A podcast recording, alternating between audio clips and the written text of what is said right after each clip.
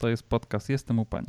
Ja nazywam się Jacek Sztandera, moim gościem jest Magda Nashipa i Schreider, wspaniała kobieta, szefowa fundacji Mogę się uczyć, wolontariuszka, aktywistka, bliska przyjaciółka Afryki. Witaj Magdo. Witam serdecznie. Co dobrego spotkało Cię ostatnio? Ojej, y, to powiem szczerze, że mnie spotyka dużo rzeczy, bo y, wszystko zależy od perspektywy, więc ostatnio na przykład y, taką prostą rzeczą, która mnie spotkała i była bardzo przyjemna, to miałam urodziny i zaskoczenie u mnie w pracy zawodowej, e, mimo że przypadała w sobotę, w poniedziałek e, zrobili mi niespodziankę i, i, i na przykład akurat wpłacili drobne kwoty na fundację E, jako taki, no jako taki po prostu prezent. Także, że, żeby pokazać, że wspierają też właśnie tą moją inicjatywę, więc to było przesympatyczne. E, w mediach społecznościowych funkcjonujesz pod imieniem Magda Nashipa i Schreider. Domyślam się, że to jest w języku Ma, czyli języku Masajów albo Swahili. Co to znaczy? Tak, to jest w języku Ma, w języku Masajów i jest to E, imię, które zostało mi nadane, gdy byłam e, pierwszy raz w 2009 roku e, i oznacza ono radość albo kogoś, kto ją przynosi. No i jakby nadaje się ją ta, jakby takie imię, tak samo jak dzieciom, po, po chwili, po czasie, gdy powiedzmy starszyzna poobserwuje daną osobę, to stara się mm, dopasować właśnie jakieś imię, które E, tą osobę opisuje, e, żeby też, gdy komuś się ta osoba przedstawia, było wiadomo w pewnym sensie, z kim się ma do czynienia na przykład. Mhm. Czy to było jakoś e, celebrowane, czy nadanie takiego imienia ma jakiś rytuał? Jak to wyglądało? To znaczy u dzieci oczywiście to jest ca całe wydarzenie, ale u nas nie ukrywam, że pierwszy raz, gdy pojechałam, to był bardzo krótki wyjazd i E, no i nie, to nie, jakby nie było wielkiego jakiegoś dodatkowego obrządku, e, ale rzeczywiście to chyba po czwórka czy, czy nawet piątka starszyzny, która się gdzieś tam zebrała, pozastanawiali się jakiś czas, trochę nas poobserwowali, poobserwowali i e, no i później oznajmili nam, że takie imiona zostały nam nadane. Także no, jakby było to coś powiedzmy takiego dosyć naturalnego, e, ale to i mi się rzeczywiście przyjęło i, i każdy w sumie po mnie już wiedział, że, że rzeczywiście zostało dobrze nadane. Okej. Okay. E, jeśli dobrze zbadałem Twoją przeszłość, to zajmowałaś albo dalej zajmujesz się informatyką, projektowaniem stron internetowych. E, tak, jestem... tak. Zawodowo się tym zajmuję cały czas. Tak, jestem bardzo ciekaw, jak to się stało, że pracując w, IT, założyłaś najpierw komitet, a później fundację. Mogę się uczyć. E, no właśnie to tak naprawdę zaczęło się bardzo dawno. Moje w ogóle zainteresowanie gdzieś tam komputerami to mój tata e, gdzieś tam i Atari i, i pierwszy PC to dzięki niemu w naszym domu się znalazł i, i ja, e, taka córeczka tatusia, mm, z nim oczywiście wszystko chciałam robić. E, I później przerodziło się to rzeczywiście w, w, to, że gdzieś tam w szkole podstawowej rzeczywiście to mnie najbardziej interesowało. W liceum poszłam już na profil informatyczny, e, a później to kontynuowałam na studiach.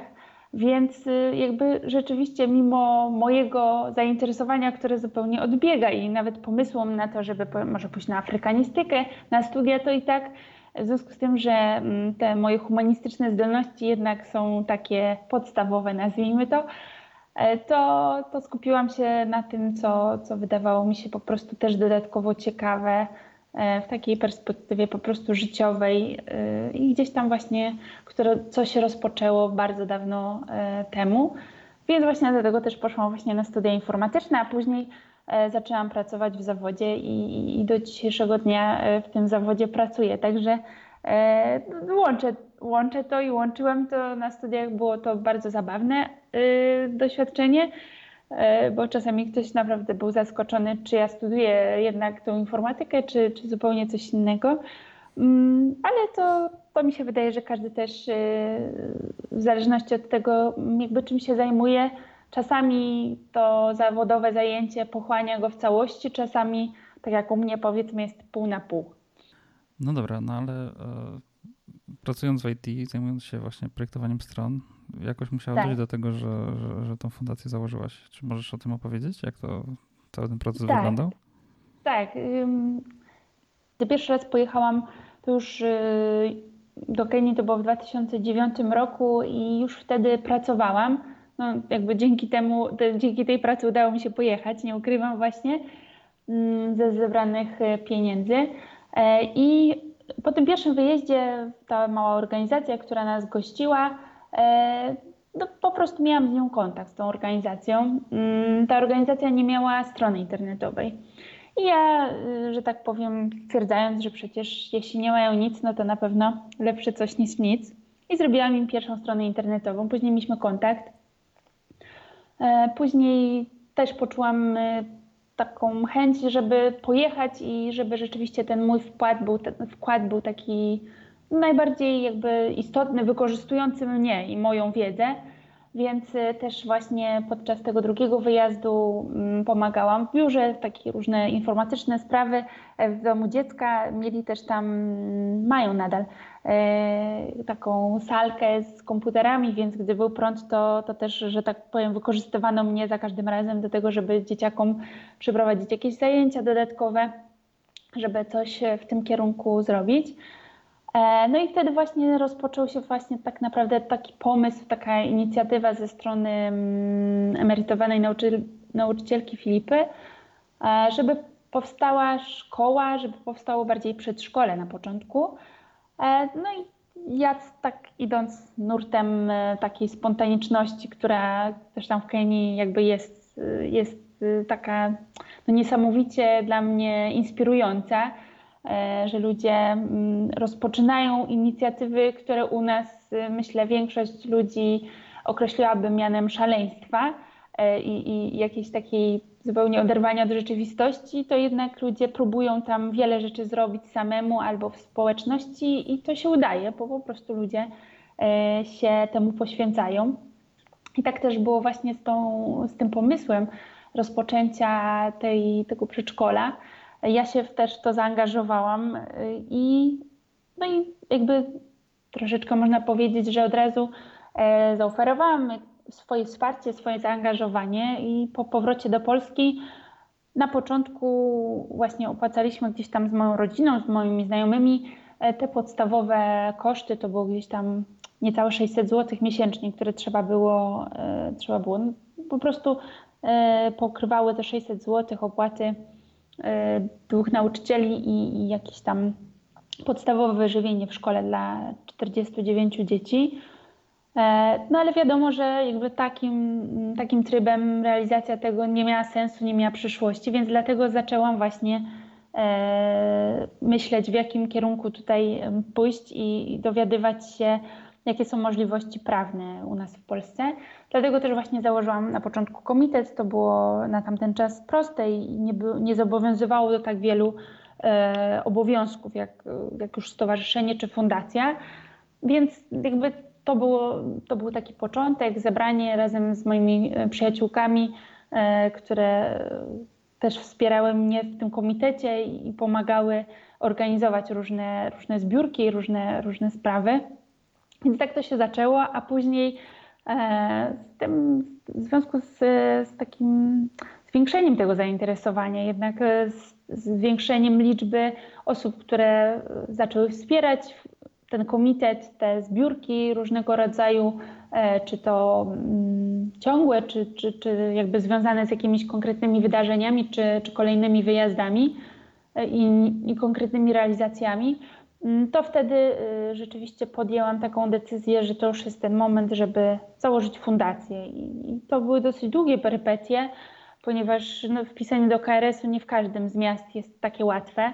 U nas y, musieliśmy, jeden wniosek został odrzucony zupełnie, musieliśmy mm, starać się jeszcze raz. No, perypetie były długie i czaso, nie, nie tyle, że czasochłonne, ale też to było po prostu stresujące. Chcieliśmy już zacząć, chcieliśmy już móc działać a, a też sprawy takie e, powiedzmy papierkowe nas przed tym w, po prostu wstrzymywały. ale udało się i, i od lutego 2015 jesteśmy fundacją i dzięki też wsparciu mm, wielu ludzi, także firm, po prostu możemy się dalej rozwijać. Także jakby całe, wszystkie te etapy, jak też sobie o tym teraz myślę, to jednak już jakiś czas, jakaś chwila już minęła od, od, od wszystkich tych, tych sytuacji, ale no, to nie jest tak, że jeśli pokonuje się jedną gdzieś tam przeciwność, to kolejna się nie pojawia, bo wiadomo, każdy, tutaj chcemy też rozwijać te swoje pomysły, programy, więc y, jeśli jedna, gdzieś jedna przeciwność znika, to tutaj już kolejne czekają i, no i po prostu robimy wszystko, żeby, żeby działać dalej. E, szkołę w Kenii, którą wspieracie, prowadzi Filipa. Przed chwilą opowiedziałaś o niej. Jak się poznałyście? Tak. Jaka ona jest dla ciebie, dla dzieciaków? Mm, poznałyśmy się podczas pierwszego wyjazdu. E, wtedy to był mm, praktycznie to było bardzo mm, to było bardzo krótkie spotkanie, ponieważ e, myśmy z moją przyjaciółką pojechały właśnie ten pierwszy raz i mieszkałyśmy e, u to jest to był jej kuzyn. Niestety już nie żyje sami, ale właśnie u niego, u jego żony, e, razem z jeszcze mm, trójką dzieci, mieszkałyśmy właśnie u nich e, w domostwie, więc tak naprawdę miałam z nią bardzo krótki w, w tym jakby podczas tego wyjazdu e, kontakt, bardziej z, z tą rodziną. Wtedy jeszcze nie było w ogóle szkoły, więc, więc jakby myśmy pomagały w szkole takiej państwowej. I tak naprawdę po prostu z, z takiej, po prostu mojego, y, można powiedzieć, z tego, że ten pierwszy wyjazd, który miał być w pewien sposób y, jakimś takim sprawdzeniem, czy to wszystko, co do tej pory się gdzieś tam czytało, oglądało, jest rzeczywiście takie dla mnie, no bo wiadomo, że to każde, dla każdego może być zupełnie innym obrazem, zupełnie innym wrażeniem. E, no, potem jak zdałam sobie sprawę, że ta rzeczywistość jest dla mnie o wiele ciekawsza i bardziej kolorowa niż to, co gdzieś tam udało mi się przeczytać. Też y, jak sobie wspomnę, że w tamtym czasie jednak nie minęło aż tak dużo czasu, a jednak ta dostępność internetu i tych informacji, które teraz są, y, była bardzo ograniczona i, i rzeczywiście wiele wysiłku e, potrzeba było, żeby zdobyć jakieś nowe publikacje, książki, to też rzeczywiście prosiłam różne osoby z różnych e, kierunków, w różnych krajach o podesłanie mi różnych kopii. E, to, to wtedy właśnie, gdy tak już do mnie to doszło, pewnie po powrocie do domu z tego pierwszego wyjazdu, zdałam sobie sprawę właśnie, że chcę to kontynuować, że to jakby rozpoczęło się dopiero coś, co jest jakimś takim z jednej strony spełniło się moje marzenie, bo e, wcześniej cały czas marzyłam o tym, żeby pojechać, żeby zobaczyć, żeby zamieszkać e, z Masajami. I to marzenie się spełniło i czasami się wydaje pewnie, że, że spełnianie marzeń jakby odhacza się, tak? Jakby spełni się marzenie, no i teraz jakieś kolejne. I u mnie raczej to jest właśnie wszystko powiązane, więc jeśli spełniłam pierwsze marzenie, to kolejne e, już się pojawiło. E, I tym kolejnym było właśnie, jakby pewnie jeszcze nie było kształtu tego marzenia, ale była ta potrzeba nawiązania tego kontaktu. I, e, no i wtedy właśnie jakby bardziej mailowo kontaktowałam się właśnie z Filipą e, pod kątem tego, że mam taką propozycję, żeby zrobić im stronę. Ona mi podsyłała materiały, zdjęcia różnych jeszcze wcześniejszych wolontariuszy, z nimi miałam też kontakt. No i strona po prostu powstała. A w międzyczasie ja też y, jakby właśnie mm, poczułam, że chciałabym pojechać na dłuższy czas i, mm, i po prostu rzeczywiście tą swoją wiedzę, którą u nas zdobyłam, móc y, gdzieś tam wykorzystać, żeby, żeby, żeby po prostu była dobrze spożytkowana na miejscu.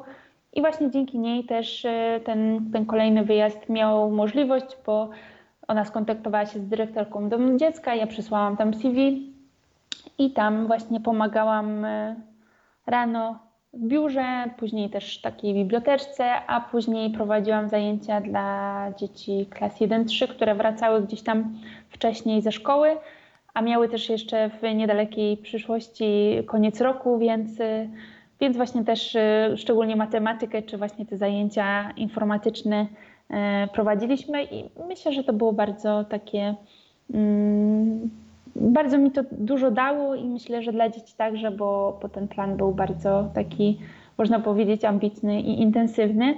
E, więc na początku to był taki bardzo zdawkowy kontakt. Później przy tym drugim wyjeździe mieszkałam u e, jej, u Filipy brata, który mieszka bardzo blisko niej. Wtedy ona jeszcze nie do końca mieszkała, e, ona urodziła się w tamtym, w tamtym regionie, w regionie Kadziado Ildamat, ale mm, jeszcze nadal mieszkała w Nairobi, w stolicy Kenii.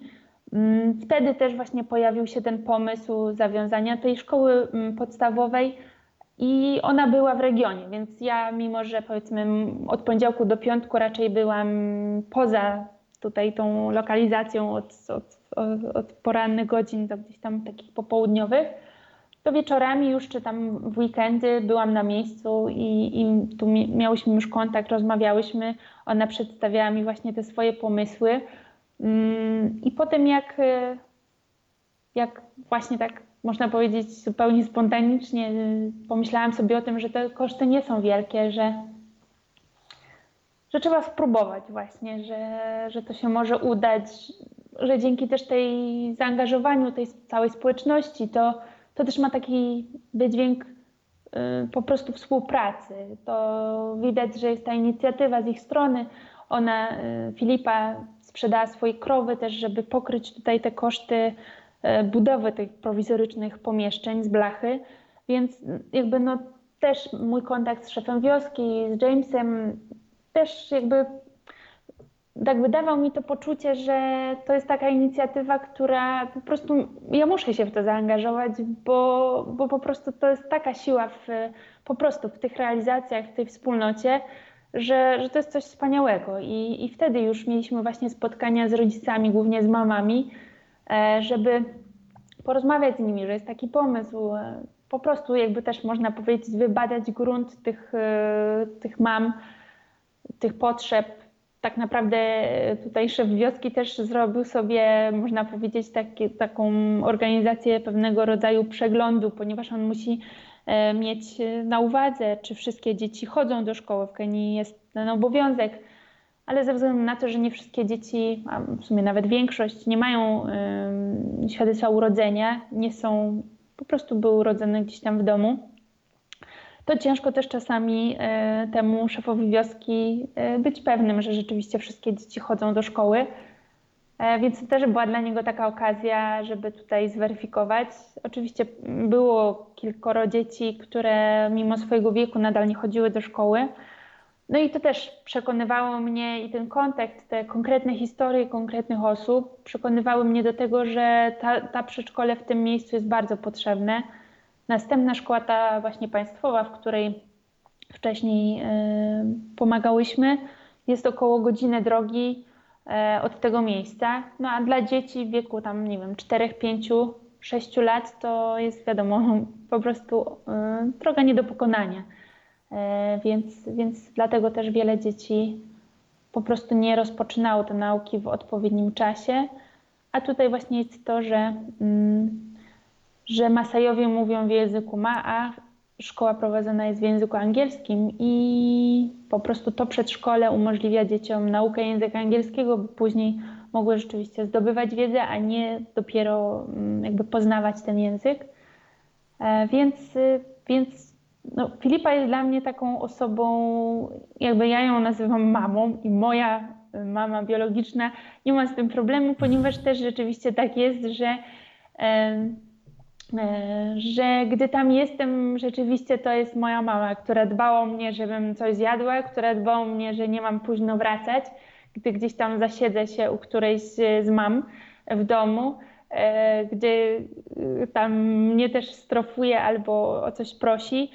Także mm, rzeczywiście to jest taka relacja, która u nas może być zaskakująca, ale w, tamtym, tam, w tej społeczności Masajów to jest coś naturalnego, ponieważ oni w ogóle mają e, oprócz poligami, tak? czyli, czyli tego, że zazwyczaj w domostwie na przykład jest więcej niż jedna mama i, i, i mąż, więc dzieci też e, mają, powiedzmy, mają rodzeństwo, które jest od innej mamy, e, to w ogóle to poczucie takiej społeczności jakby potęguje się właśnie w tym, że wszystko jest w pewnym rodzaju wspólne, że e, każdy siebie wspiera i, i to jest właśnie też coś takiego niesamowitego i, i to też daje właśnie taką się potęgę tego, że, że różne realizacje po prostu się dzieją, bo, bo, bo, to, bo ta społeczność się wspiera. Więc Filipa rzeczywiście jest dla mnie taką mamą i, i permamą, do niej też się zwracam. E, ale tu w ogóle pewnego, można powiedzieć, tu pewnego rodzaju też e, jakby specyfika. Do mam mówi się, do mam, e, do mam, które mają dzieci, mówi się właśnie per mamo tego powiedzmy najstarszego dziecka, czy, czy po prostu dziecka, które zrobiło najwięcej, można powiedzieć, gdzieś tam harmidrów w okolicy i, i, i po prostu wiadomo, że to jest mama Reson albo to jest mama Nadupoj albo to jest mama Soile, e, więc właśnie nie zwraca się per, nie wiem, Krystyno, tylko się mówi na przykład mama Soila od tego najstarszego dziecka, czy to jest dziewczynka, czy chłopiec. No. E, więc też jest tak, więc jest, jest to właśnie mm, mm, też pewnego rodzaju po prostu taka naturalność, żeby do kogoś się zwracać per mamo. E, Ciekawe I, bardzo. Tak, i, i także, także właśnie to też jest y, najczęściej ja nie znam imion konkretnych mam, bo one też e, nie korzystają jakby z tego w takiej e, jakby normalnej komunikacji. Czasem tylko gdy potrzebujemy jakichś danych konkretnych, to wtedy, wtedy po prostu e, mamy się przedstawiają, a tak po prostu wiemy, które dzieci są od których mam i wtedy, w tym momencie można wybierać i spokojnie się komunikować. Więc to też jest to, że jakby to nazywanie Filipy mamą jest pewnego rodzaju takim naturalnym naturalnym zjawiskiem. E, a ona z drugiej strony też jest mamą dla tych ponad 270 dzieci, które mamy w szkole, mhm. ponieważ no, w związku z tym, że jest to taka ścisła społeczność, też przychodzą mamy, mają różne problemy, od tego, że no niestety dzieją się też niedobre rzeczy w rodzinach, gdzieś tam mężowie piją. Mm, oczywiście, że zdarzają się sytuacje, w którym dochodzi do rękoczynów. E, też niedawno mieliśmy sytuację, w której mama uciekła po prostu od męża i rano przed dzwonkiem szkolnym, przed siódmą znalazła się w szkole z właśnie z dwójką dzieci, mówiąc po prostu e, Filipie, że zdecydowała się uciec od męża, już ma dość i no i prosi nas o wsparcie dzieciaków, bo ona na razie musi przenieść się do siostry no a jeśli dzieci pójdą z nią, no to, no to na razie nie będą chodziły do szkoły, więc, więc yy, jakby też to jest pewnego rodzaju yy, po prostu taki wspólny organizm, który się wspiera i szkoła i, Filipa jest taką właśnie mamą takiej tej całej rodziny szkolnej, społecznej. E, też jest bardzo postrzegana jako taka osoba bardzo mądra, której po prostu e, wiele osób się radzi. E, jeśli na przykład mamy projekt, czekamy cały czas na podłączenie. W grudniu on się ma wydarzyć. E, w końcu ma być podłączenie wody w, blisko szkoły, po drugiej stronie drogi.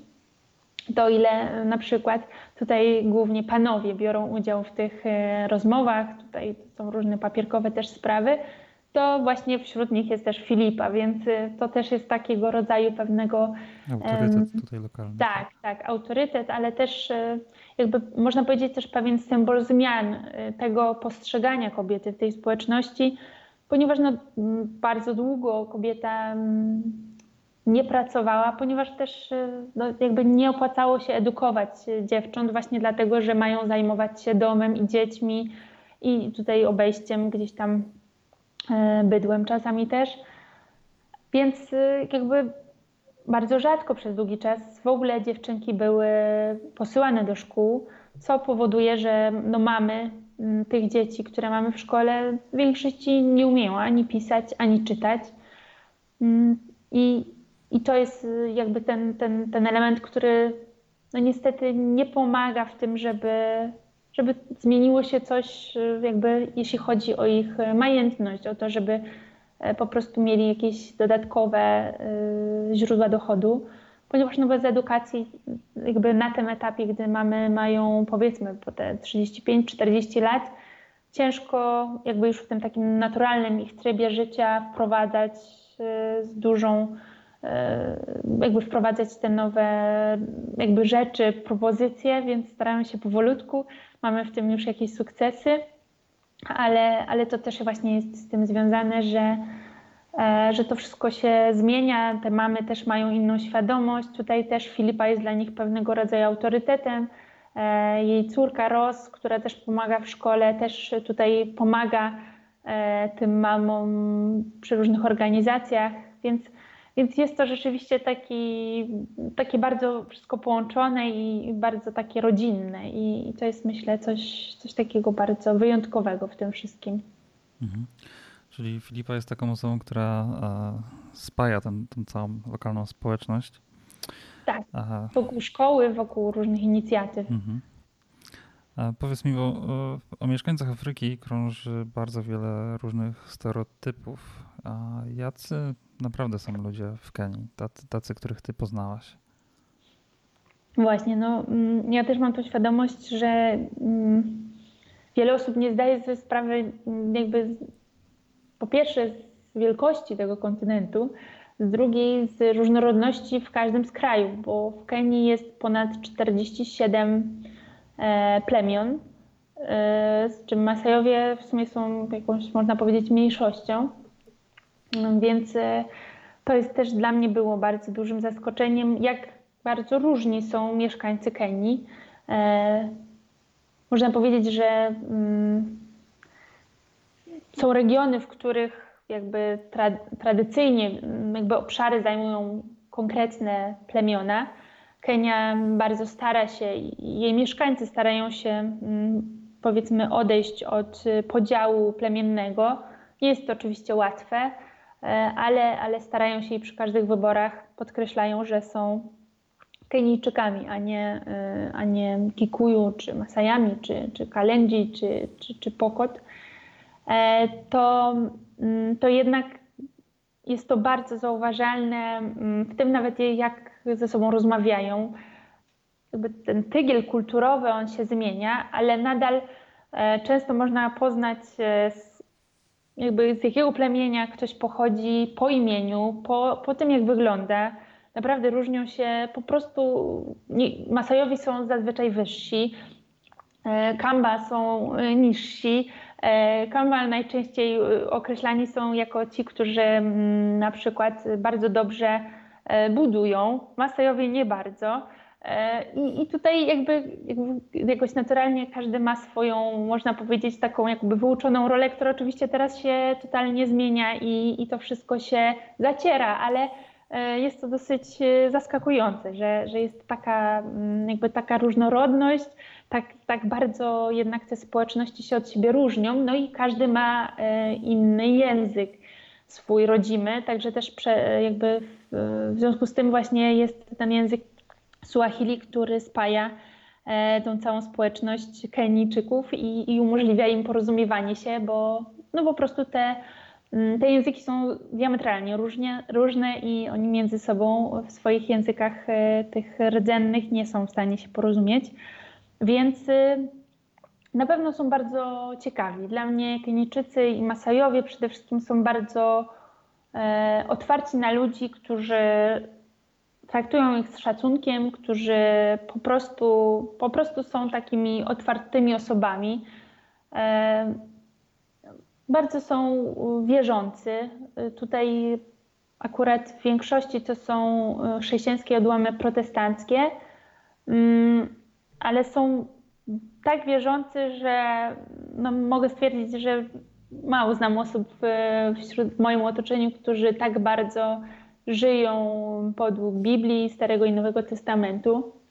Więc to też e, dla mnie było e, takim nie tyle zaskoczeniem, ale jakimś takim właśnie dodatkowym elementem, który, który też dodał tą duchowość y, w ogóle w tej, tej społeczności, w ich spotkaniach częstych, gdzieś tam u siebie w domach, w rozmowach z pastorem, w ogóle w, jakby w, tej, e, w takim porozumiewaniu się, w tym, że pastor rzeczywiście rozwiązuje problemy, czy prowadzi nawet e, te spotkania pod konkretne problemy różnych rodzin, e, czy to na przykład właśnie mm, picia alkoholu, czy, czy innych jakichś problemów domowych.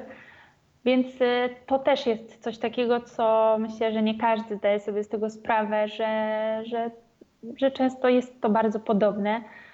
Masajowie E, oni są ba bardzo są e, właśnie tacy społeczni, uwielbiają rozmowy i jak jestem na miejscu, to naprawdę e, ja akurat w ogóle jestem osobą, która lubi mówić, lubi rozmawiać, lubi, lubi z, z ludźmi się spotykać, więc gdy jestem na miejscu, to rzeczywiście dużo czasu po prostu wymieniam grzeczności z różnymi osobami, czy to gdy jestem w miasteczku E, obok właśnie mm, tego, tej wsi, czy, czy gdy jestem we wsi i gdzieś tam idziemy. E, mi to też sprawia dużą radość i pomimo tego, że jakby są to często takie bardzo powszechne e, rozmowy na temat tego, co się u kogo dzieje, czy dzieci są zdrowe, czy krowy są zdrowe, czy trawa urosła, czy, czy ktoś tam ma pracę, to jednak e, mimo wszystko odczuwa się to zainteresowanie tymi, e, tymi życiowymi e, sprawami, czy one są bardzo podstawowe, czy ktoś tam na przykład dostał stypendium. Więc jest to rzeczywiście dla mnie takie bardzo inspirujące, gdy u nas, ja mieszkam w Bydgoszczy, nie jest to duże miasto, ale mm, jednak zauważam to teraz tą taką koncentrację na sobie i, i, i, raczej właśnie takie mniejsze zainteresowanie drugim człowiekiem, czy to sąsiadem, czy, czy gdzieś tam kolegą. Jednak ludzie często koncentrują się tylko na sobie, na, swoim, na swojej wąskiej rodzinie. Tam rzeczywiście jest to właśnie takie poczucie społeczności i, i takie otwarcie E, zawsze każdy jest gotowy pomóc, zawsze każdy jest gotowy gdzieś tam pożyczyć jedzenie, pieniądze. E, to nie oczekując tego, że ktoś e, następnego dnia i przyjdzie odda. To raczej jest takie poczucie, że po prostu pomagamy sobie i pozwalamy sobie na, na, gdzieś tam na kolejny dzień po prostu mm, tego lepszego życia. Więc, więc jeśli chodzi właśnie o Masajów, to dla mnie jest to takie doświadczenie, z którego bardzo dużo zawsze czerpię, gdy jestem na miejscu i, i, i myślę, że też często przenoszę różne, mm, nie wiem, czy, czy rzeczy, czy, czy zachowania, ale pewnie jakieś takie potrzeby, które zauważam, że, że po prostu tam przyjemniej jest spokojniej usiąść, e, może mniej koncentrować się na tych rzeczach. Na pewno też e, złapałam inną perspektywę od pierwszego wyjazdu, związaną w ogóle e, z konsumpcjonizmem, z tym, że po prostu oni nie posiadając nawet dostępu do takich rzeczy, też nie poczuwają e, potrzeby zakupu wielu, wielu rzeczy, które u nas gdzieś nas bombardują. Więc to też jest na pewno bardzo duży wpływ tej społeczności na mnie, a przeze mnie myślę, że też na wiele moich znajomych czy mojego męża i moich rodziców, e, bo jestem, można powiedzieć, takim trochę e, hersztem e, w wielu sprawach i, i można powiedzieć nawet terrorystą od wody. Więc, więc, więc na pewno, na pewno wiele rzeczy. I to też myślę, że to nie jest, że to jest odkrywcze, to jest bardziej takie, taki przytyczek w nos, że, że się o tym zapomina, że są ważniejsze rzeczy niż, nie wiem, nowa pralka czy, i są też większe problemy niż brak zasięgu. Także no, po prostu myślę, że e, jeśli ktoś e, da sobie czas, żeby poznać jak społeczność e, akurat no tutaj na przykład Kenijczyków i też ich radości, e, jakby z takiego życia, czerpania właśnie, po, dostrzegania radości, tak, że e, mimo problemów oni są w stanie i tak właśnie jakby dostrzegać tą pozytywną stronę. Też wiąże się to oczywiście to z wiarą w Boga, w to, że wierzą po prostu, e, że też e, po prostu jest ta siła, która im, ich, ich po prostu wspiera, a jeśli robią wszystko e, najlepiej jak mogą, no to po prostu nie ma sensu się tak, tak bardzo o wszystko martwić. I też to, to powiedzenie, że nie ma co martwić się mm, o jutro, jutro zadba o siebie samo. Więc, więc właśnie to jest to życie takie na dziś. Czasami to jest, myślę, z naszej perspektywy takiej europejskiej troszeczkę takie męczące, szczególnie na przykład jak mam, planujemy coś w budżecie fundacji e, i szkoły, a okazuje się, że ktoś wpadł na świetny pomysł dzisiaj i, i, i to jest takie czasami, e, no, mamy czasami takie właśnie mm, powiedzmy rozbieżności w naszych postrzeganiach różnych rzeczy i planów, ale to jest też myślę właśnie budujące i uczące nas e, nawzajem. Mhm, tak jak wcześniej mówiłaś o tej spontaniczności, także to też widzę, że przewija się e, przez tę twoją wypowiedź. E, mówiłaś tak. też, że oni identyfikują się jako Kenijczycy, mimo że są członkami wielu różnych plemion. Ja przeczytałem kiedyś w tygodniku bydgoskim o tym, że ty określasz się jako bydgoska patriotka. I tak. powiedz mi, dlaczego zdecydowała się pomagać w Kenii, a nie na przykład właśnie w Bydgoszczy? Bo pewnie mhm. tutaj też jest dużo problemów do rozwiązania.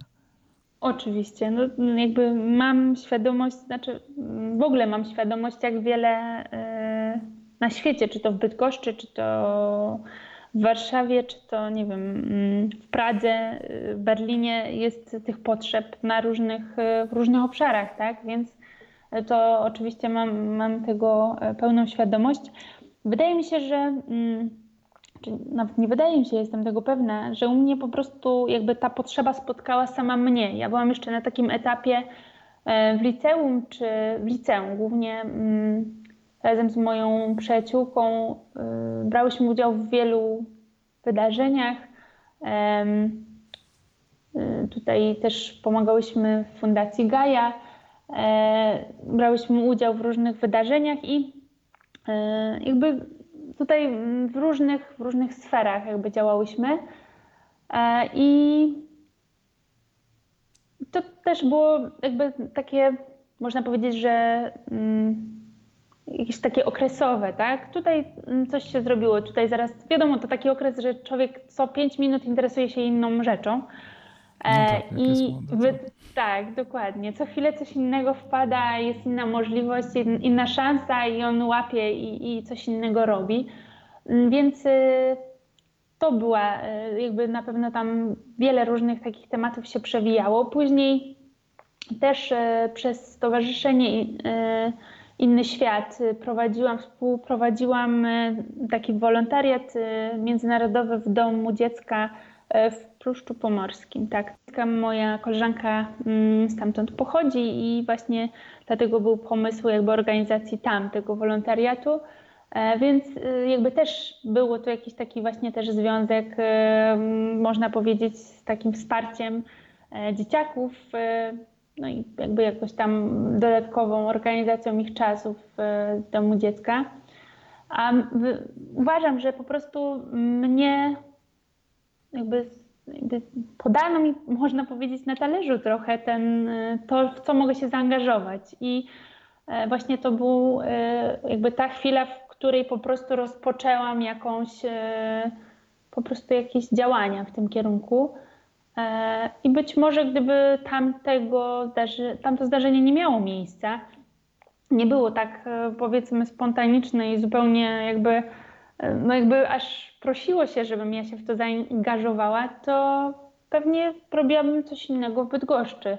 Ale no, jak już się dorasta, to też człowiek skupia się na jednej rzeczy, mając świadomość, że jak się ciągnie za wiele ogonów, to niestety nie za wiele z tego wychodzi. Więc też y, mimo tego, że bardzo chciałabym, y, żebyśmy realizowali więcej projektów tu na miejscu na przykład, to po prostu na razie wolontaryjnie po pracy zawodowej po prostu nie ma na to aż tak wiele czasu. Jasne. Bardzo chciałabym w ogóle mm, e, oprócz tego, że też czasami prowadzę jakieś zajęcia dodatkowe w szkołach, to chciałabym po prostu mm, jakby stworzyć też takie projekty w ogóle większej współpracy, czy to na przykład z emerytami, czy z osobami bezrobotnymi, czy bezdomnymi, e, żeby po prostu taka współpraca też miała jeszcze taki dodatkowy wydźwięk. Do wszystkiego jednak potrzeba czasu. No tak, i... doba ma 24 godziny. I... Właśnie, niestety nadal dla mnie też i wiele osób się mnie pyta, jak ja to robię, że w te 24 godziny wrzucam tak wiele rzeczy. No to też cię potem zapytam.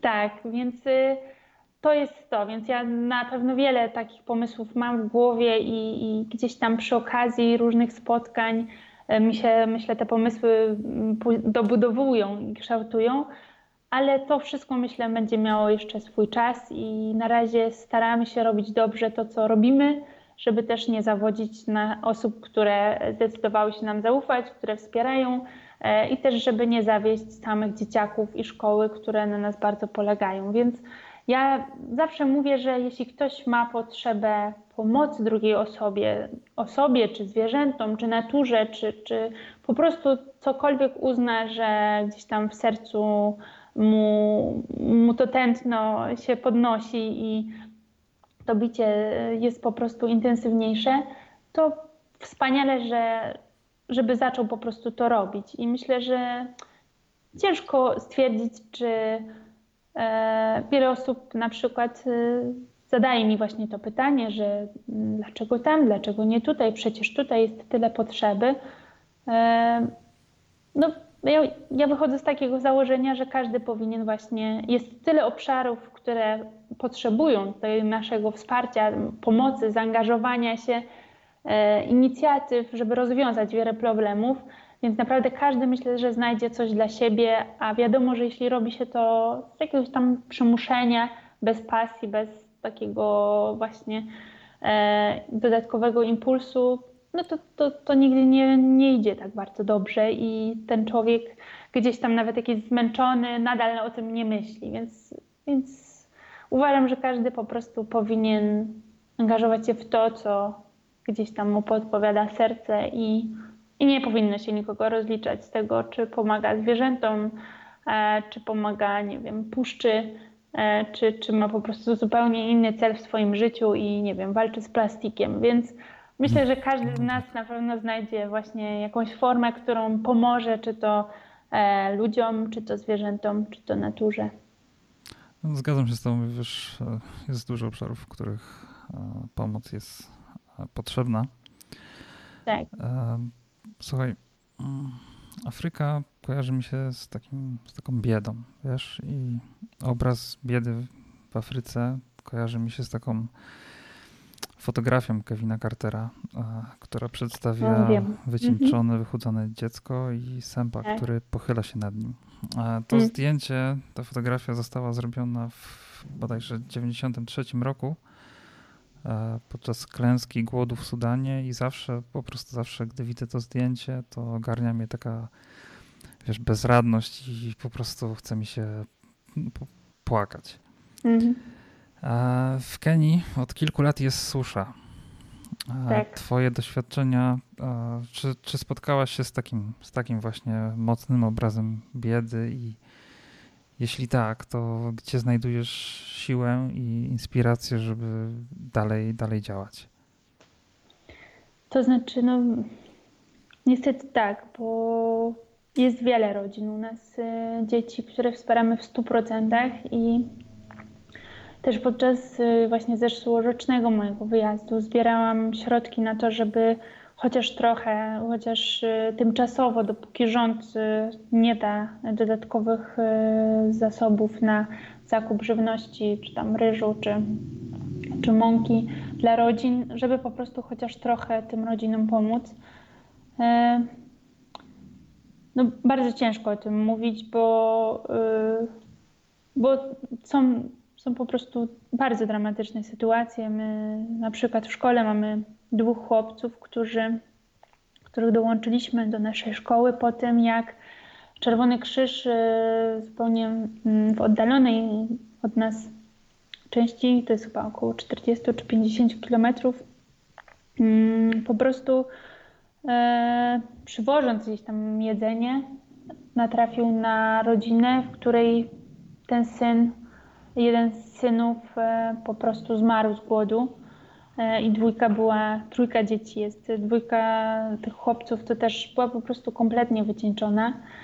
I gdzieś tutaj właśnie Ros, córka Filipy, widziała to w wiadomościach i po prostu po, po konsultacji, którą miałyśmy razem z Filipą, zdecydowałyśmy, że oczywiście, że tych chłopców, e, dziewczynka jest za mała, żeby po prostu mogła, mm, wtedy mogła dołączyć, być może w przyszłym roku dołączy do nas. E, na razie jest tam z rodzicami, ale dwóch tych chłopców Izajaha i, i Seikeja myśmy włączyli do projektu w 100% do internatu. No i jakby myślę, że mm, zawsze postrzegam to mm, jest taka historia, pozwolę sobie na taką właśnie dygresję, jest taka historia, którą już dłuższy czas jakby stawiam sobie w takich różnych sytuacjach i to jest e, historia e, Wangari Matai o kolibrze, e, o tym, że podczas wielkiego pożaru wszystkie zwierzęta gdzieś tam zgromadziły się obok i patrzyły na, na to, jak te płomienie pożerają ten las i, i zobaczyły, że ten jeden mały koliber gdzieś tam nadal lata, gdzieś tam do tej rzeki, gdzieś tam w tej rzece łapie te jedną, dwie krople tej wody i leci e, w ten ogień, leci w ten ogień, żeby, żeby wypuścić te dwie krople wody. No i on tak lata, one tak patrzą się z niedowierzaniem i, i pytają go, przecież nie jesteś w stanie zagasić tego pożaru. On mówi, może nie jestem, ale robię co mogę. I może się to wydać e, płonne, może się to wydać zupełnie bezsensowne, ale rzeczywiście uważam, że e, tych dwóch chłopców, czy kolejnych dwóch, dla nas to jest e, po prostu coś, co powoduje, że, że nasze działanie ma sens, że tych dwóch, dwóch chłopców na pewno skończy tą szkołę podstawową, są bardzo bystrzy i, i po prostu to jest wspaniałe. I w sytuacjach, w których jest bardzo ciężko, teraz, teraz yy, zacznie się następny semestr szkolny i mamy świadomość, że po przerwie, e, po prostu po każdej przerwie od szkoły dzieci wracają niestety w gorszym stanie fizycznym ze względu na niedożywienie i my na ten pierwszy miesiąc zawsze poświęcamy więcej środków, żeby po prostu dożywić te dzieci.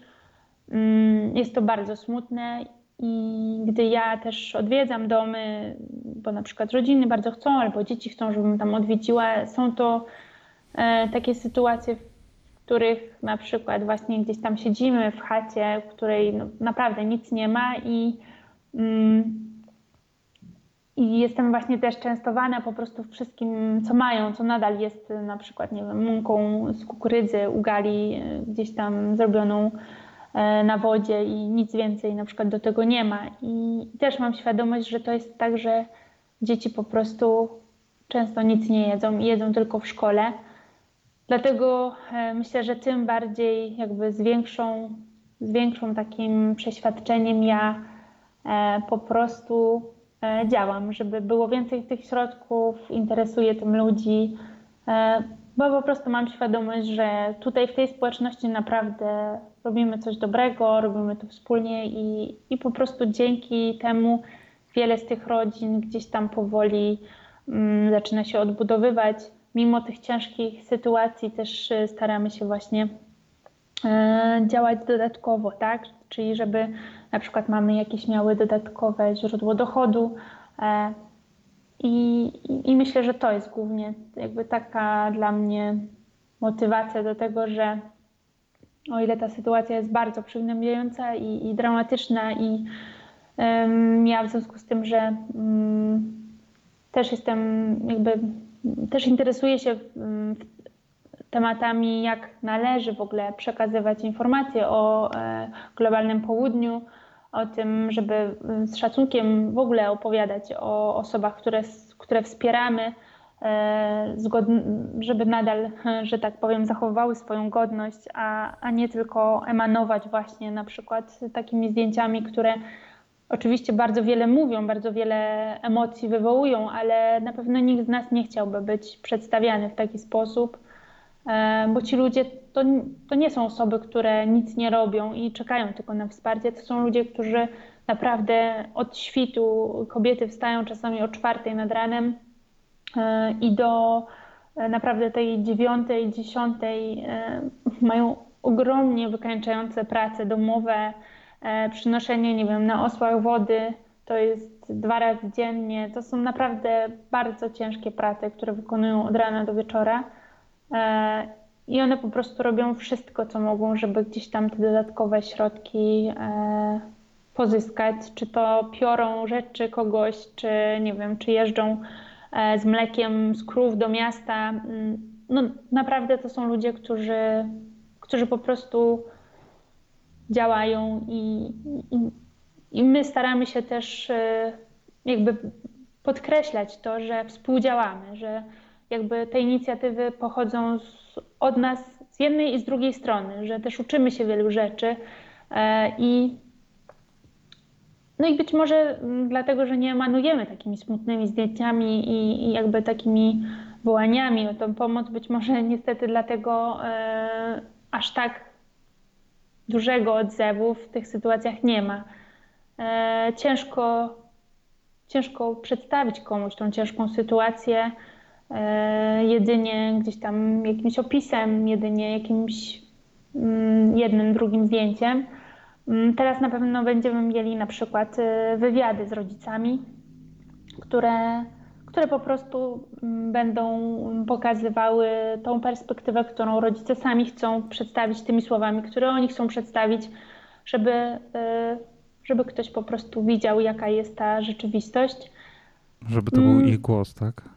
Tak, dokładnie, bo staramy się rzeczywiście, by to był ich głos, żeby to była ich słowa, e, by po prostu Mm, ludzie też dostrzegli, że to są konkretne osoby, to są konkretne życiowe dramaty konkretnych osób, które po prostu wspieramy, które też później zmieniają swój bieg e, na lepsze, więc, mm, więc to jest rzeczywiście takim, takim elementem, e, który, który po prostu też staramy się realizować, żeby, e, żeby dbać o, o, ten, o ten przekaz, żeby on po prostu nie ranił tych osób. Y, nie oszukujmy się, większość z tych osób ma, Facebook, ma Facebooka, ma dostęp do internetu, ponieważ tam po prostu praktycznie każdy ma telefon komórkowy, a telefony komórkowe w Kenii, nawet takie najprostsze, mają przycisk do Facebooka i do Messengera, więc y, tam każdy po prostu jakby to nie jest jakieś oderwanie, tak? Więc ja też mam tą świadomość, że to jest tak, jakbym pisała jakimś swoim koledze, przyjacielu, znajomym, który tak samo widzi to na moim wallu, jak, jak po prostu oni, więc to jest też ta świadomość, że to są konkretni ludzie, to, to nie jest jak w olbrzymich organizacjach, że e, mimo tej powiedzmy imienia czy nazwiska danej osoby na zdjęciu, to, to gdzieś tam po prostu jest to jakaś tam wielka, olbrzymia ilość osób. Tutaj u nas to nie jest tak, taka olbrzymia ilość osób, ale przez to też y, po prostu razem wspólnie mamy tą świadomość, kto najbardziej potrzebuje, jakiej pomocy potrzebuje i możemy po prostu nawet małymi środkami bardzo dużo zmienić. No tak. Pomagacie na wiele różnych sposobów. Powiedz mi, jakie projekty w tej chwili prowadzi Fundacja Mogę się uczyć? Fundacja teraz prowadzi kilka projektów. E, niestety ze względu na suszę skupiamy się na zbiórce e, teraz środków na dożywianie, e, na po prostu opłacenie tych podstawowych potrzeb też w szkole, ponieważ rodzice ze względu na suszę nie byli w większości w stanie wpłacić praktycznie niczego. E, no a to powoduje po prostu, że szkoła ma konkretne problemy po prostu z płynnością. Więc jakby to jest nasz taki powiedzmy krytyczny obecny, obecny, mm, obecna sytuacja. Udało nam się wybudować e, dwa internaty, jeden dla chłopców, drugi dla dziewcząt. Potrzebujemy zakupić łóżek, które są potrzebne, żeby po prostu dzieci w miarę komfortowo lub też w przyszłości bardzo komfortowo mogły się wyspać. Więc potrzebujemy właśnie łóżek, które musimy kupić. E, jedno takie podwójne łóżko kosztuje około 220 zł. Dodatkowo chcemy też kupić krowę do szkoły. Mamy kury. Teraz chcielibyśmy kupić krowę, która też wzbogaci tą dietę w mleko, czyli dzieci, które rano dostają owsiankę, mogłyby mieć ją zrobioną nie na wodzie, a na mleku, więc to też bardzo po prostu poprawiłoby tą dietę gdzie Masajowie właśnie bardzo lubią mleko, ale ze względu na suszę często e, po prostu sprzedają całość swojego mleka, żeby mieć jakieś środki i dzieci zazwyczaj niestety z tego mleka e, nie korzystają. E, to jest taki projekt oraz kolejny to jest taki długofalowy projekt, który zaczęliśmy. W sumie na razie jest on, w sumie można powiedzieć, taki bardzo w początkowej fazie. To jest wsparcie grupy 15 mam, które zawiązały Mm, oficjalnie grupę e, i tutaj chcemy je wesprzeć w organizacji różnych e, prac w różnych e, kierunkach. Obecnie to jest szycie i robienie biżuterii, czyli coś, co jakby już gdy spotkałam się, już jakby realizowały w pewnych zakresach, mm, ale dodatkowo mamy też plany, na przykład tutaj jedna z mam założyła sklepik i to jest na przykład też bardzo ciekawe, bo mama nie umie pisać ani czytać, na pewno nie umie liczyć, ale wszyscy jej pomagają i yy, myślę, że teraz już w ogóle nie ma problemu z tym, żeby yy, sprzedawać. Więc to są takie właśnie mm, drobne realizacje, które chcemy powoli wprowadzać, jak na przykład właśnie mm, taka piekarnia czy taki mobilny salon piękności, gdzie mamy będą właśnie po domach jeździły, bo tutaj masajki też bardzo się dbają, szczególnie o plecenie włosów, czy nawet e, malowanie paznokci, więc e, tutaj też e, jest taki pomysł na takie wsparcie właśnie takich mikrobiznesów, żeby mamy w swoim wolnym czasie, jakby też nie zaburzając tego powiedzmy do końca tego dziennego trybu, tych potrzeb, które mają codziennie do realizacji żeby też mogły właśnie sobie e, dodatkowo coś zarobić. Więc tutaj mamy taki plan, jest dosyć długofalowy. Rozpoczęliśmy go i, i moim taką wielką, wielkim marzeniem jest, żebyśmy po prostu e, odnieśli sukces też na tym polu. E, to też jest dużo związane z tym, żeby podłączyć wodę. Niedawno podłączyliśmy prąd do szkoły, więc to wszystko jakby jest obecnie, jakby przybiera po prostu lepszy obraz, ma, mamy lepsze możliwości e, do realizacji różnych rzeczy. Mhm. Bez prądu, wiadomo, mieliśmy różne ograniczenia. Mm, teraz to przyłącze jest. Tak samo woda, która powinna być gdzieś tam podłączona w grudniu, to też mamy plany, e, żeby e, po prostu rozpocząć taki konkretny ogród. Teraz nie, nie miało to sensu, bo po prostu nie było jak tych plonów podlewać. Więc y, tutaj też na pewno czekamy na, na tą realizację, na to podłączenie i to umożliwi nam na przykład właśnie takie podłączenie różnych pomp, które, które po prostu dadzą konkret, konkretno, konkretny zysk dla, dla tych rodzin. No tak, mm, woda to życie, nie?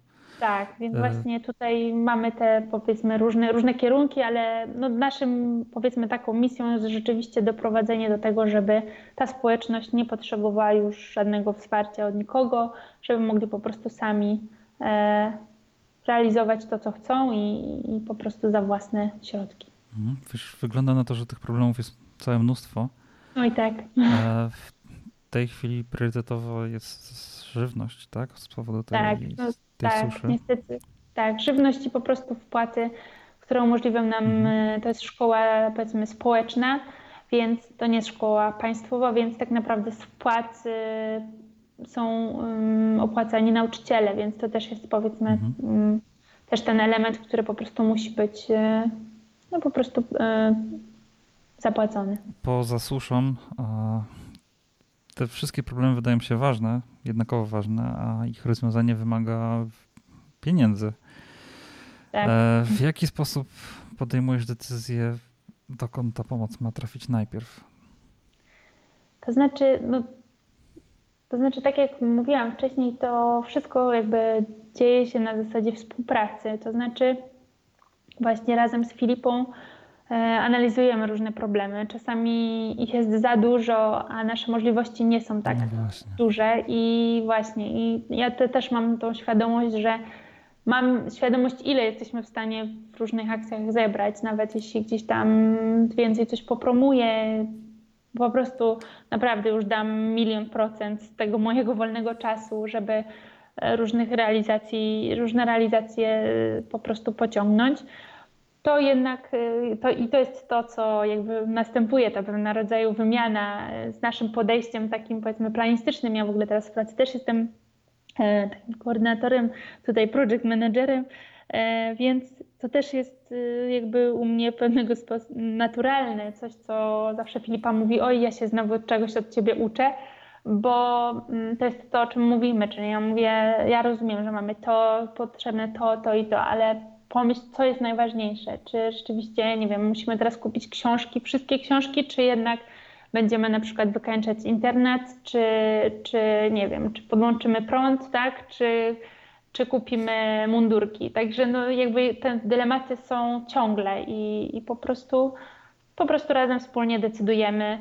E, Filipa tak naprawdę no, wie najlepiej, jakie rzeczy są najważniejsze, o tym też dużo rozmawiamy, mając y, po prostu planując różne rzeczy, ja planując różne akcje, też mam tego świadomość, oczywiście nie zawsze, a w sumie nawet często nie da się wszystkiego zaplanować, ale, ale myślę, że ta nasza współpraca po prostu też e, ewoluuje i, i też się uczymy i oni się uczą, że ja niestety muszę mieć też e, pewnego rodzaju czas na to, żeby to zebrać.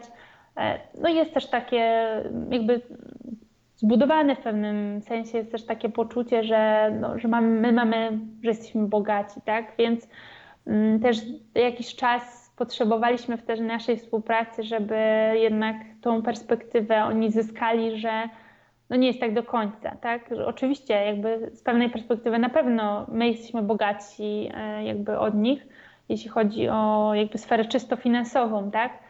E, I tylko, że po prostu nasz, nasze życie tutaj też jest zupełnie inne niż ich. E, I, I to też dłuższy czas potrzebowaliśmy na wypracowanie tego, że to nie jest tak, że na przykład ja wykładam te wszystkie pieniądze, tylko że ja tu prowadzę fundację. Ta fundacja razem wspólnie my zbieramy środki od wielu osób, które też e, po prostu nie tak szybko mają możliwość e, zebrania. Także to też jakby z czasem wypracowaliśmy na to, że, że po prostu to jest pewien proces i, i myślę, że to działa teraz i, i tak razem wspólnie po prostu e, to sobie realizujemy. Mhm. E, współpracujecie na odległość. Koordynowanie pracy w, takiej, w, takim, w takim środowisku wydaje się generować całe spektrum różnych problemów. Wiesz? E, e, tak. Jak sobie tak. radzisz ze stresem, na przykład, gdy przelewy nie dochodzą na czas? Bo wiem, że takie sytuacje Oj, się zdarzają. To jest dramat. To jest. Yy... Znaczy mój mąż zawsze mówi, że się za bardzo przejmuję i że generalnie przecież yy, robię co mogę, a oczywiście mi to nie wystarcza i ja się i tak przejmuję. E, bo gdy ma się świadomość, że przelew, który nie chce przejść, bo komuś w kratce gdzieś tam e, coś się nie zgadza i czekamy na to na przykład, nie wiem, dwa tygodnie albo trzy, te środki mają być przekazane, nie wiem, na żywność i to na po prostu na żywność. Ja wiem dla których dzieci, ja wiem, że one bardzo tego potrzebują, albo że to jest na jakąś inną realizację, która czeka i, i po prostu jesteśmy totalnie w kropce, no to, to myślę, że no, no, myślę, że w ogóle ciężko mi jest to w stanie jakby opisać, jak duży to jest dla mnie stres i jak, mm, jak bardzo po prostu mnie to w ogóle te wszystkie sytuacje angażują. To jest myślę tak, że rzeczywiście jest to moja rodzina i gdy spojrzymy to z tej perspektywy, gdy znamy te realia, znamy te osoby, mamy z nimi kontakt, no bo ja mam z nimi kontakt codzienny, mamy WhatsApp, na którym się komunikujemy z mamami, ze, z tymi starszymi dziećmi, to mamy w sumie ciągły, codzienny kontakt e, ze, ze szkołą czy właśnie z, z rodzinami, to jeśli mamy, mamy tą świadomość tej codzienności, tych dylematów, tych problemów, no to myślę, że każdy z nas, gdyby gdzieś tam komuś w rodzinie była jakaś potrzeba, jakiś problem, to tak samo, po prostu tak samo by o tym myślał, tak samo chciałby pomóc. I to myślę, że jest po prostu, po prostu to jest ten poziom relacji. I z tego też się właśnie wiąże ten stres, te, to, że ciężko czasami przebrnąć przez pewne mm, rozmowy. Ta mentalność jednak jest, wiadomo, no różna, różne jest podejście do różnych spraw, więc, więc więc no nie jest to łatwe. Czasami też y, człowiek jest już po prostu zmęczony i zrezygnowany. E, często wtedy też rozmawiam z moją przyjaciółką, która mnie tam motywuje, jedną i drugą, które mnie motywują do tego, że, że po prostu naprawdę robimy co możemy i, i, i po prostu na, czasami trzeba sobie chwilę dać takiego e, oddechu, żeby złapać perspektywę. E, no bo po prostu czasami, czasami jest po prostu ciężko, ale tak jak każdy w życiu ma różne swoje problemy, tak i tutaj są problemy. E, ja się nie lubię e, jakby nie lubię opowiadać o, tutaj o problemach, bo każdy ma swojego rodzaju problemy, dla każdego różne problemy mają różną wagę. No i tutaj my też staramy się po prostu wszystko rozwiązywać. To, czego się nie da rozwiązywać, to też mamy wspólną świadomość, że robimy wszystko, co możemy. Jak Bóg da, to uda się za pół roku, a jak nie za pół roku, to może za rok. I po prostu mamy, mamy to po prostu yy, takie, takie podejście do tego, że jeśli nie mamy sobie też, ja nie mam sobie do zarzucenia, że, że gdzieś tam coś olałam, nie skupiam się na tym, no to i też tym bardziej cieszę się z tego, że różne rzeczy, nawet małe, udaje nam się realizować. Rozumiem. E, po zakierowaniu fundacją jesteś też właścicielką sklepu Dukambu. E, w tak. tym sklepie sprzedajesz ręcznie wykonaną biżuterię z Afryki i powiedz mi, czy robiąc zakupy w tym sklepie w jakiś sposób możemy wesprzeć społeczności w Kenii? Tak, to jest też bardzo taki nowy projekt. Właśnie E, związany z wsparciem mam. E, tutaj też mam te plany e, takie, można powiedzieć, długofalowe. Oczywiście mm, jakby ten zakup prosty idzie też tutaj ten zysk do mam i mm, moje plany osobiste na najbliższe pół roku są związane w ogóle z rozwojem tej, tej grupy, z rozwojem, z pewnego rodzaju też e, wsparciem ich w warsztaty, wsparcie w po prostu jakby w nowe techniki, e, w takie inspiracje, w spotkania też właśnie z, z osobami z Kenii, które różne realizacje robią, wsparciem jeśli chodzi o wykończenie e, i jakby, jakby cały ten, w sumie ten pomysł na ten sklep ma, ma tak naprawdę umożliwić po prostu sprzedaż tych produktów. My jako fundacja długi czas walczyliśmy o też zmianę naszego ostatnio e, statutu, e, którym po części możemy sprzedawać produkty, ale nie jest to jakby takim prostym sposobem, więc na razie, żeby to przyspieszyć też e, jakby tu jest ta droga. My jako fundacja też chcemy wspierać mamy, bardziej można powiedzieć, jeśli chodzi o taką wiedzę, a tutaj y, ja chcę osobiście po prostu, e, no nie ukrywam, zrobić tak, żeby mamy mogły sobie po prostu na tym zarobić, żeby to też była taka gałąź, e, która umożliwia im po prostu dodatkowe źródło dochodu. E, chcę, żeby też ta biżuteria razem z nimi miała może taki trochę wydźwięk czasami bardziej taki nowoczesny, ale nadal taki tradycyjny, nadal taki, który one gdzieś tam stworzą.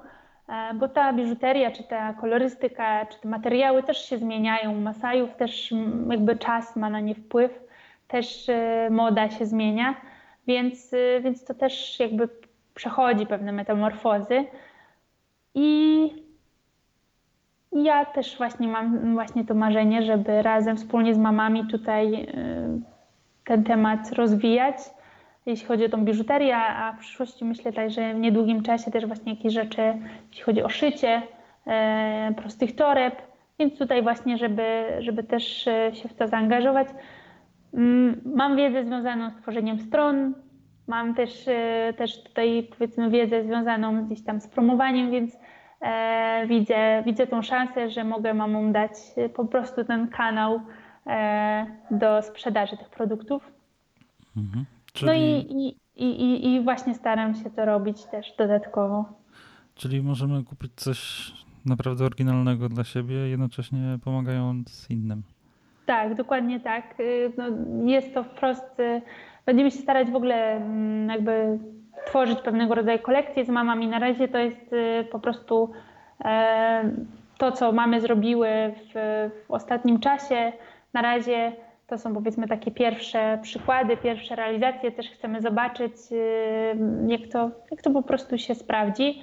E, czy czy trzeba będzie coś na przykład zmieniać. Na przykład wiemy, że, że, że często mamy robią na za wąskie e, ręce bransoletki, więc musielibyśmy, będziemy musieli na przykład określić sobie gdzieś tam jakieś długości. Na razie są to początki, ale też dzięki temu mamy na przykład, e, no po prostu zyskują dodatkowe środki na takie codzienne rzeczy, na zakupy. Ja się z tego bardzo cieszę.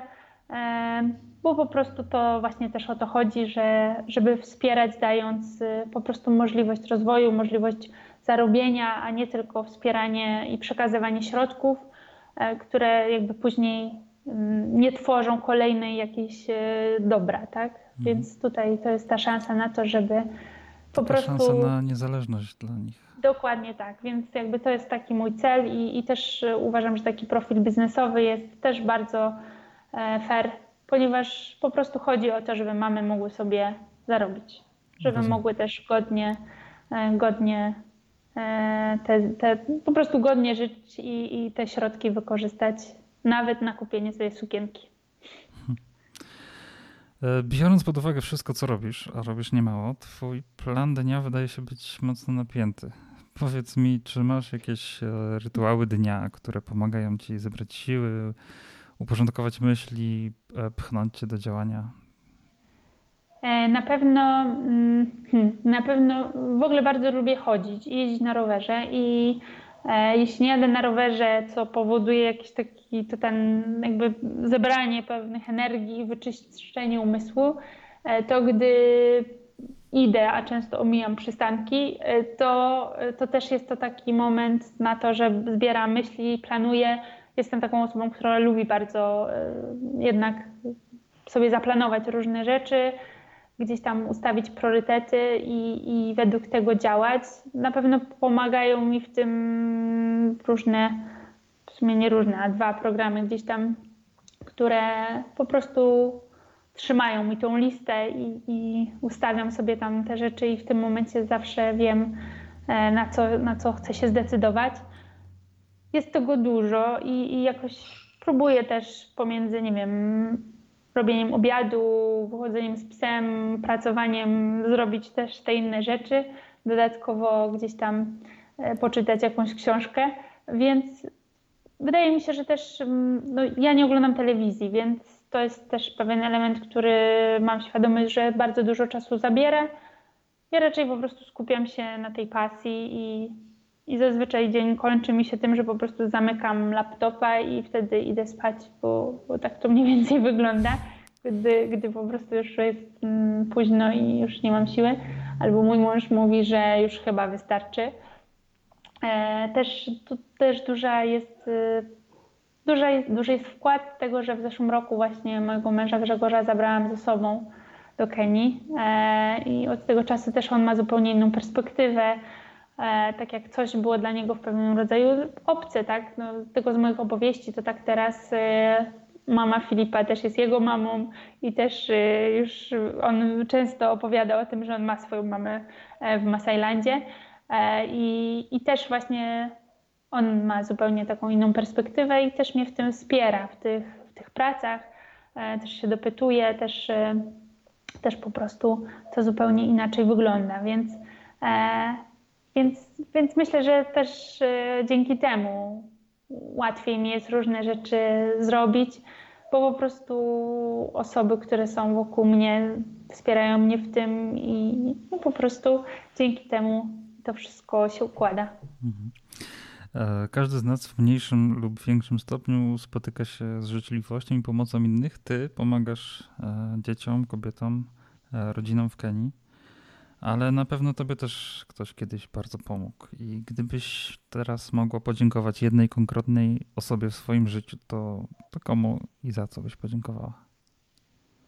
Myślę, że podziękowałabym mojej mamie, za to, że zawsze, mm, zawsze mnie wspierała we wszystkim, co sobie wymyśliłam, mimo że nie zawsze było jej po drodze, to te moje pomysły to zawsze jednak, e, mimo że zawsze mówiła, że, że się czymś denerwuje, czy to zawsze wiedziałam, że, że, że, że jest za mną i, i że mnie wspiera i że mnie motywuje. E, do sprzątania pokoju, jak byłam mniejsza też, ale, ale też właśnie jakby do wielu rzeczy. Na pewno e, chciałabym jej podziękować za to, że jestem takim człowiekiem, jakim jestem, bo no to dzięki niej po prostu i, i też pewnie dzięki niej mam tą wrażliwość, e, tą chęć pomocy, po prostu biorąc e, przykład z niej. A gdybyś mogła dotrzeć do każdej kobiety teraz, to, to co byś chciała jej powiedzieć? Jaką radę dać? Myślę, że mm, że taką, myślę, że chciałabym dać taką radę, że uważam, że każda z kobiet jest bardzo silną osobą, bardzo taką osobą, która no, jest w stanie pociągnąć każdy temat. Po prostu jest takim tytanem pracy i gdy tylko zda sobie z tego sprawę, że od małej rzeczy może naprawdę wiele osiągnąć, to ja osobiście po prostu przez ten czas, który gdzieś tam zaczęłam drobną rzeczą, po prostu czymś, co w ogóle z tej perspektywy w życiu bym nie pomyślała, że po tych prawie 10 latach jestem tu, gdzie jestem, to, to to jest na pewno to, że nie ma co patrzeć, że ma się małe środki, że ma się mało czasu, po prostu trzeba zacząć. I myślę, że właśnie każda z kobiet powinna sobie zdać tego sprawę, że zawsze jest czas na to, żeby zacząć coś realizować i że mamy siłę na to, żeby to wszystko ogarnąć, mimo, mimo po prostu naszych codziennych obowiązków, zobowiązań, to mamy tą siłę i myślę, że każda z nas powinna po prostu działać. Magda, bardzo dziękuję Ci za rozmowę. To wszystkie moje pytania. Dziękuję ślicznie, bardzo, bardzo mi było miło. E, no i też życzę rozwoju e, podcastu, żeby się rozwijał, żeby e, też właśnie, żebym ja też mogła sobie posłuchać wielu nowych historii. Dzięki wielkie. Dzięki bardzo. Dziękuję za wysłuchanie tego odcinka. Zapraszam na stronę jestemupani.pl albo na Facebooka, Facebooku kośnik jestem u pani. Do usłyszenia.